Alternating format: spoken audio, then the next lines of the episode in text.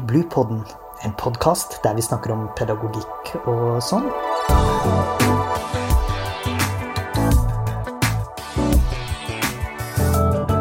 Podkasten er laget av barnehagelærerutdanninga ved Høgskolen på Vestlandet. Da sier vi velkommen til eh, denne episoden av Bluepodden, der vi skal møte Jostein Rønning Sanderud, som skal snakke om sin doktoravhandling. Og den som samtaler med deg i dag, det er jeg som heter Dag Skram, som er førstelektor i pedagogikk her på Høgskolen på Vestlandet. Playing, Sensing and Meaning, an ethnographic study of children's self-governed play in a Norwegian nature kindergarten. Hvordan skal vi eh, med enkle ord eller putte dette her på godt norsk, eh, tenker du? Nei, vi kan jo prøve å oversette det med noe som eh, fri lek, sansing og meningsskaping. Mm. En etnografisk studie av barns frie lek i en, eh, en norsk naturbarnehage. Kan være en inngang. I denne så stiller jeg jo hovedproblemstillingen hva kan naturmiljø bety for barns lek, og hvordan skaper barn mening mens de leker i naturmiljøer. Bakgrunnen for studien var jo det at en kan se en sånn tendens til at leken i barnehagen også blir instrumentalisert på en måte sånn at det skal ha en hensikt som er definert av andre enn de lekende.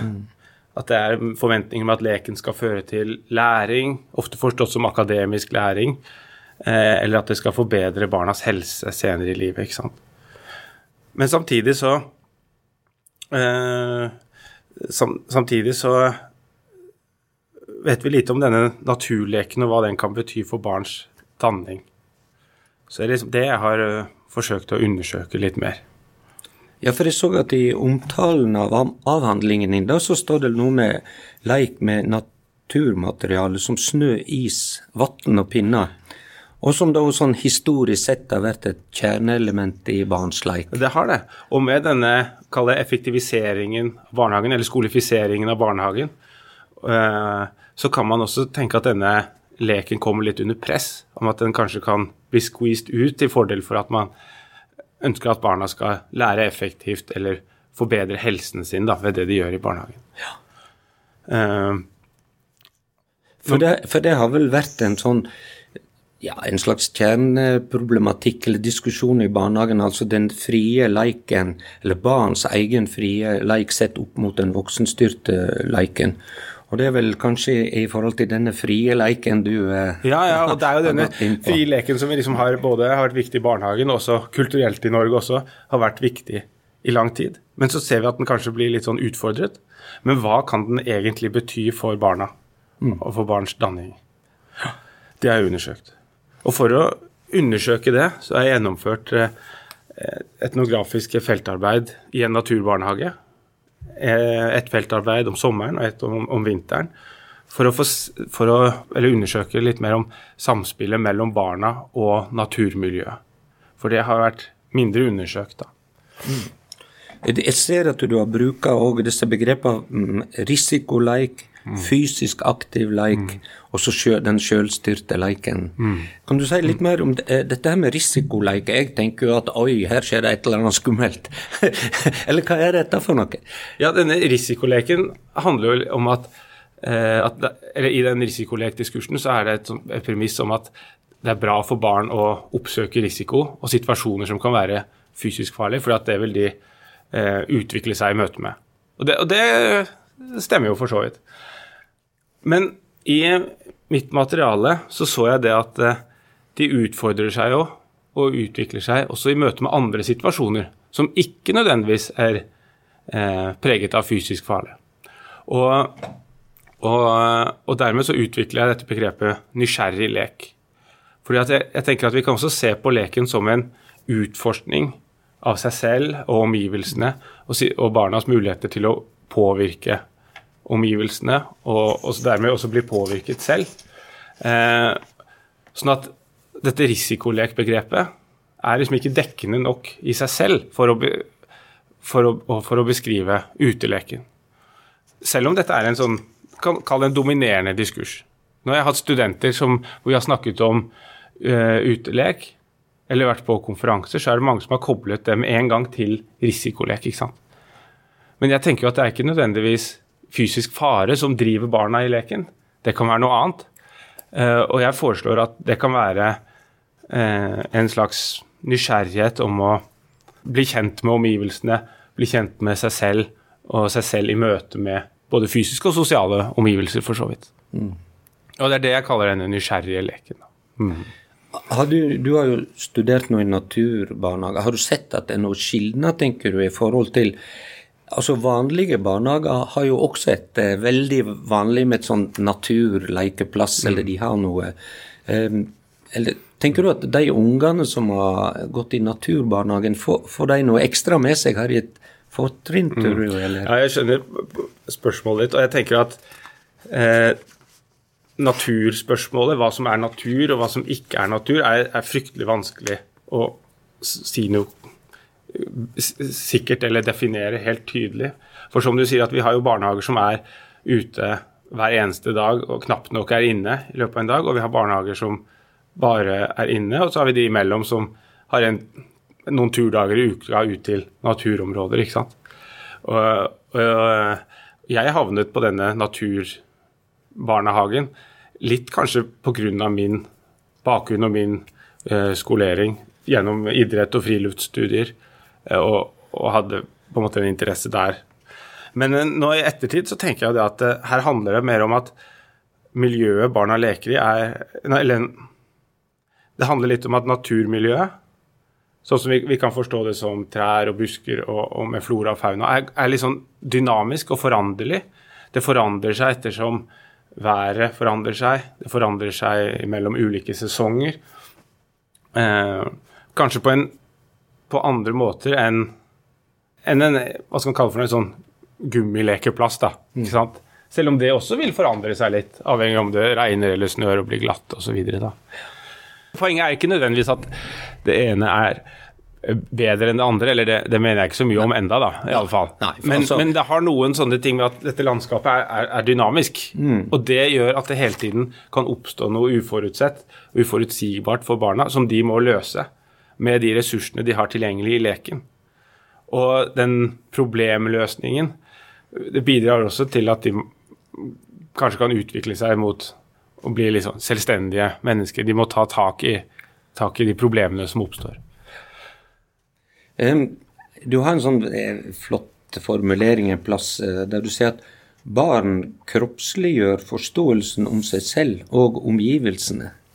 Altså, du, du har jo et fokus på leiken knytta spesielt opp mot kropp. Sjøl har jeg jo putla litt om leik òg, og vært skrev akkurat for, nok, eh, for en tid til en artikkel som vi har snakket om her i Bluepodden, eh, på jakt etter leikens innste vesen. Altså hva betyr leiken for barnet som leker? Og der, det der og der har ikke jeg sånn, med min innfallsvinkel tenkt så mye på det som du fokuserer her, nemlig at den kroppsliggjør forståelsen at, at at leik, eh, barnet og leiken og kroppen går på en måte opp i ett. på en... Ja, og, og stedet. Ja, og stedet, ja. Fordi at eh, det er jo Se for deg at i en barnehage så kan det være en bekk som fryser til is om vinteren, ikke sant? og som barnet eh, kanskje beveger seg på. ikke sant? Det er glatt og det er vanskelig, og det, eh, det fører til at kroppen, kroppens bevegelser tilpasser seg underlaget, samtidig som en kanskje kan oppdage at her kan vi jo hakke løs is. Og, og, bruke disse isklumpene som et slags betalingsmiddel eller, eller, et eller annet annet i leken. Så på den måten så blir stedet, kroppene og barna liksom innvevd i, i, i, i leken. Mm. Og man kan også kanskje si noen ganger at, at stedet leker med barnas kropper. Uh, ved at eh, Eh, et eksempel kan jo være at, det er et barn som klatrer i et tre, ikke sant? kanskje litt tynt tre, sånn at det begynner å svaie litt ettersom du klatrer oppover. Eh, og bøy, greinene bøyer seg litt. På den måten så kan man jo si at sett fra barnets perspektiv, da, at treet forsøker å riste av seg av barnet etter hvert som det klatrer oppover og kanskje bøyer seg over til siden. ikke sant?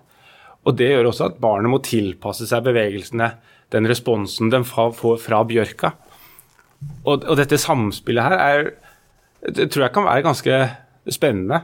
Og, og, og attraktivt. Og, litt dette vi snakket om, om naturmiljøer er annerledes enn ikke-naturmiljøer, så er jo det en form for samspill som man kan få når, når materialene er dynamiske og formbare.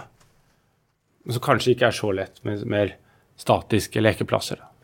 Vil det være det, det er mange som bruker dette begrepet affordance. Mm. Er, det, er, det, noe av det du er ja. inne på her? Gibson presenterte jo dette begrepet affordances i sin tid som en, at det var en invitasjon fra landskapet eller omgivelsene til å gjøre noen bestemte handlinger. Eh, og så har hun også blitt kritisert for å vektlegge omgivelsene for mye i dette. Eh, men jeg forstår jo at dette affordances-begrepet er mer relasjonelt mellom barna, med sin forståelseshorisont sin, eh, og sin kropp, da, og omgivelsene og de eh, og de egenskapene det har. Sånn som her i Sogndal så har vi jo masse bratte fjell, ikke sant. Og mange av studentene ser jo på det som muligheter til å stå på ski ned. Mens for andre så er det jo ikke aktuelt i det hele tatt. Det er jo ikke en invitasjon til dem til å stå på ski. Sant? Og sånn er det jo også i, i barnehagens uteområde. Noen barn ser muligheter for å, øh, for å ake eller lage snø, snømenn av snøen, mens, mens, andre gjør det ikke. Så, så disse mulighetene som oppstår, oppstår liksom i møte mellom stedene og, og, barna. Så de er ganske tett sammenvevd. Det tror jeg er et av de viktige liksom, bidragene jeg har her. Mm. Mm. Ja, for du er også inne, Det er et annet begrep er dette med human beings eller human becomings. Altså, og det, det, bruker jo du i en spesiell ja. sammenheng her. Ja, ja. For det viser jo det at eh, i noen av disse diskursene som kommer inn i barnehagefeltet knytta til bevegelse, eh, kanskje spesielt helsediskursen, så kan man få et sånn inntrykk av at barna er objekter som skal bevege seg for å få bedre helse. ikke sant? Men så, så sier jeg at dette det, det, er jeg litt kritisk til, fordi det viser jo også at barna Gjennom mitt feltarbeid så får jeg, ser jeg at barna har jo mange kompetanser, de også. Og på noen områder har de bedre kompetanse enn de voksne. For F.eks. Så, så ser jeg det på, på, dette vinterlandskapet som var i barnehagen. Det er jo en barnehage som har et uteområde som er litt skrått, ikke sant? med noen, noen bakker og sånne ting. Og her Ja, det ble i hvert fall islagt, dette området. ikke sant? Og det førte jo til at barna sprang fort og akte og hadde egentlig ganske god kontroll på å bevege seg der. Mens personalet på den andre siden brukte brodder og gikk litt med litt stive, forsiktige bevegelser. Mm. Og, og ja, var litt forsiktige når de gikk i de bratteste bakkene og sånne ting. Så de, de, beveget seg på en helt annen måte, og barna viste en mye større mange av barna da, viste en større kompetanse enn de voksne her. Sånn at man må ikke undervurdere dette barna som subjekter som kan finne som, kan, som har interesser og har kompetanser i, i leiken, eller i utemiljøet, da. ikke sant. Ja, for, for det... så, ja, nei, så poenget er liksom det at hvis man skal tilrettelegge da, for aktivitet eller bevegelse, så må man anerkjenne det.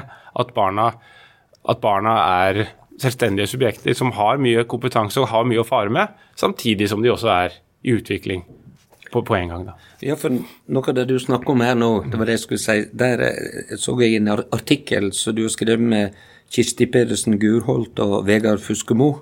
Eh, uh, Sport Education Society. Der bruker de tittelen 'Winter Children'. Mm. Uh, for meg som musikkglad så var det, og fikk sånne flotte assosiasjoner da, til Ratka Tonef 'Winter Poem'. Um, og, og, dette her, hvordan ting på en måte Når, når barn leker om vinteren Vinteren demper jo alle lyder. Du kommer kanskje inn i en mer sånn flow. Eh, altså Vi snakker jo om denne flow-tilstanden der tid og stad opphører. Jeg husker iallfall fra, min egen eh, barndom at når denne snøen begynte å lave ned og la seg som et teppe, så, eh, så du flaut på en måte Ja. Mm. Og det er også litt interessant, for her på Vestlandet så, kom, så, er, jo vint, så er jo vintrene litt sånn at det, det kan snø 20 cm, og så i løpet av dagen kan det begynne å regne, og så kan det være helt bart og grønne gress dagen etter. Slik at og så kan det jo snø igjen etterpå. Poenget er liksom at, eh, at uh, i, i løpet av dette så lager barna seg spor i omgivelsene gjennom snøen f.eks. De lager seg eh, stier de går på osv. Men så kan det smelte bort, og så kan man få helt andre lekemuligheter. Så kan det snø igjen, og det liksom viske ut litt sånn som du sier, viske ut alle sporene de har laget, og man starter med blanke ark på et, ny, på et nytt område, for å si det litt poetisk. Ja, dette her blir Nå er vi ute i poesien her, men det, det er litt flott, det. Og eh, jeg vet, Vi starter jo litt der er man jo kritisk til barns leik. Sant? Det blir mye stillesitting, det er mye iPod, og vi er ut inne på nett og sosiale. Og, og da, siden vi nå vi nærmer oss vel slutten her, liksom eh, To ting vi kan tenke rundt. Jeg husker iallfall for meg sjøl, vi, er ofte tenkt når Sesam stasjon kom inn, og Pokémon og Smurfene, da, da, reagerte vi nei, dette har jo ikke noe med leik å gjøre. Og så viser det seg jo at jo, men for mange unger har jo dette, de har grepet tak i dette og gjort det til sitt. Uh, mens uh, det er ganske spennende å se at, at leik er jo ikke noe statisk. Leik er jo i endring på samme måte som samfunnet er i endring. Mm. Men, og da har jeg jo lyst til å spørre deg helt mot slutten her, da. Um, hva tenker du om framtida? Jeg husker jeg var, var, i en samtale med Berit Bae, professor i pedagogikk, og sa at eh, når vi f.eks. snakket om dette med medvirkning i barnehagen, så sa jeg tror det er lurt så, at vi setter oss ned og så tenker vi 50 år frem, og så sier vi til oss selv eh, Dreiv vi med det den gangen? Men eh, Jostein, hvordan ser du for deg barns leik i framtida? Skjeder vi, går vi i den der med retningen mot en mer fri og opp i trærne og ut i naturen, eller er vi mer og mer inne på dette rommet på eh, sosiale medier, eller blir det litt sånn Ole Brumm, ja takk, begge deler? Det var et godt spørsmål. ja, og ikke lett å svare på. Nei, men det er jo noe med, med leik og barns leik som er, Det forandrer seg, men det er liksom det er nesten alltid der i alle situasjoner. Vi ser jo bilder fra Ukraina, barn leker. Vi ser jo eh, i barnehagene her så leker de. Men spørsmålet er jo kommer, Jeg tror alltid de kommer til å leke, få rom til det. Men spørsmålet er hvilken form det tar. ikke sant? Mm. Og jeg husker Maria Øksnes skriver, skriver om det om denne, denne karnevalske leken. Den litt sånn opprørske leken som bryter med de forventningene personalet har i barnehagen. Så uansett hvor mye ja, Det er litt positivt, kanskje, mm. men uansett hvor mye de prøver å, å, dempe det, så vil de finne smutthull å, å, å leke i på en eller annen måte. Ja. Jostein, min gode mann. Det har vært veldig kjekt å samtale deg om denne viktige leiken som er så betydningsfull for barns utvikling. Det tror jeg vi kan være enige om, enten han er i en naturbarnehage eller i en helt vanlig barnehage. Det tror jeg òg. Takk for praten. I like måte. Podkasten er laget av barnehagelærerutdanninga ved Høgskolen på Vestlandet.